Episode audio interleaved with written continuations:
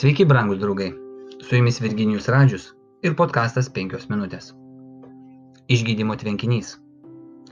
Kiek vėliau buvo žydų šventė ir Jėzus nukeliavo į Jeruzalę. Jeruzalėje prie avių vartų yra maudyklė, hebrajiškai vadinama Betsata, turinti penkias stoginės. Jose gulėdavo daugybė ligonių, aklų, raišų, išsekusių. Ten buvo vienas žmogus, išsirgęs 38 metus.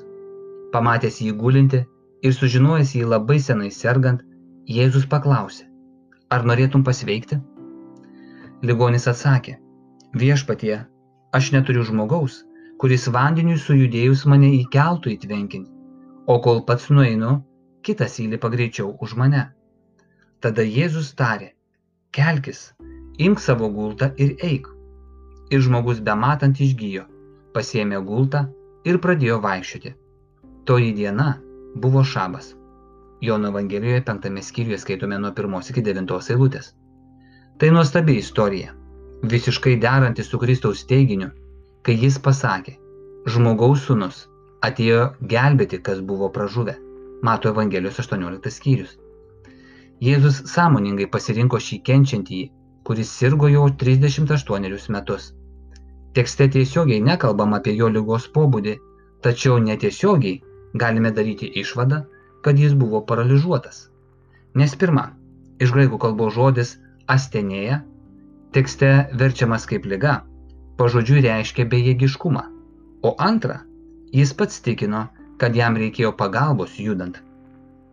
Anksčiau Jėzus jau buvo išgydęs paralyžiuotą vyrą Galilėjoje, tačiau tuo atveju jis turėjo ištikimų draugų, kurie dėjo visas pastangas, kad jų nelaimingasis draugas būtų atneštas prie Jėzaus kojų.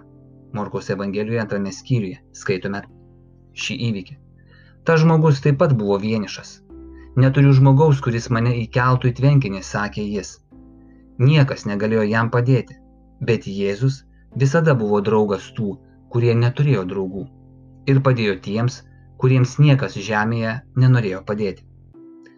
Vyras troško pasveikti ir Jėzus davė jam tai, ko jis taip ilgai laukė. Jėzus nenešė jo prie vandens, ko ligonis galėjo tikėtis. Jis tiesiog pasakė jam tuos pačius žodžius, kaip ir paralyžiuotam kafarnaume. Kelkis, pasimk savo gultą ir eik. Ir išgydytas vyras ėjo, ir net nešė savo gultą. Jis tapo šios žydų šventės sensacija. Tik dėja, niekas kartu su juo nesidžiaugė. Priešingai, jam buvo priekaištaujama, kad neždamas gultą sulaužė šabo dieną. Tiesą sakant, Jėzus sąmoningai liepė išgydytajam paimti šią naštą, kad atkreiptų žydų dėmesį į kai kuriuos absurdiškus rabinų nutarimus, kurie sabatą iš viešpaties džiaugsmo dienos pavertė sunkia ir nepakeliama našta, užpildyta begaliniais draudimais. Po to pats Jėzus suranda šį žmogų šventykloje ir sako jam, štai tu esi pasveikęs, daugiau nuodėmių nebedaryk, kad neatsitiktų kas blogesnio. Jono Evangelijos 5 skyrius 14 eilutė. Jėzus šio žmogaus mintis nukreipė nuo fizinės savijautos į dvasinės hygienos poreikį. Jo atsakymas į Jėzaus paliepimą kelkis imk savo gultą ir eik, buvo pirmasis tikėjimo žingsnis. Tai buvo dvasinio ir taip pat fizinio gydimo pradžia. Tolesnis Jėzaus perspėjimas - daugiau nuodėmių nebedaryk, tarsi sako apie tai, kad ankstesnis jo gyvenimas buvo nuodėmės gyvenimas, bet tuo pačiu ir užtikrinimas tuo, kad šios nuodėmės buvo atleistos. Jei prisimintume paralyžiuotojo išgydymą Kafarnaume, taip pat galime atsekti glaudų ryšį tarp fizinio gydimo ir nuodėmių atleidimo. Viešpaties teikiamas išgydymas yra visapusiškas ir veikia ne tik fizinę mūsų gyvenimo pusę.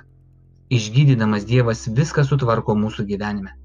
Gydydamas Jis moko mus, kaip gyventi, kad gyvenimas vėl nevirstų sunkiomis kančiomis, o taptų pasaulio šviesa, galinčia palaikyti ir kitus.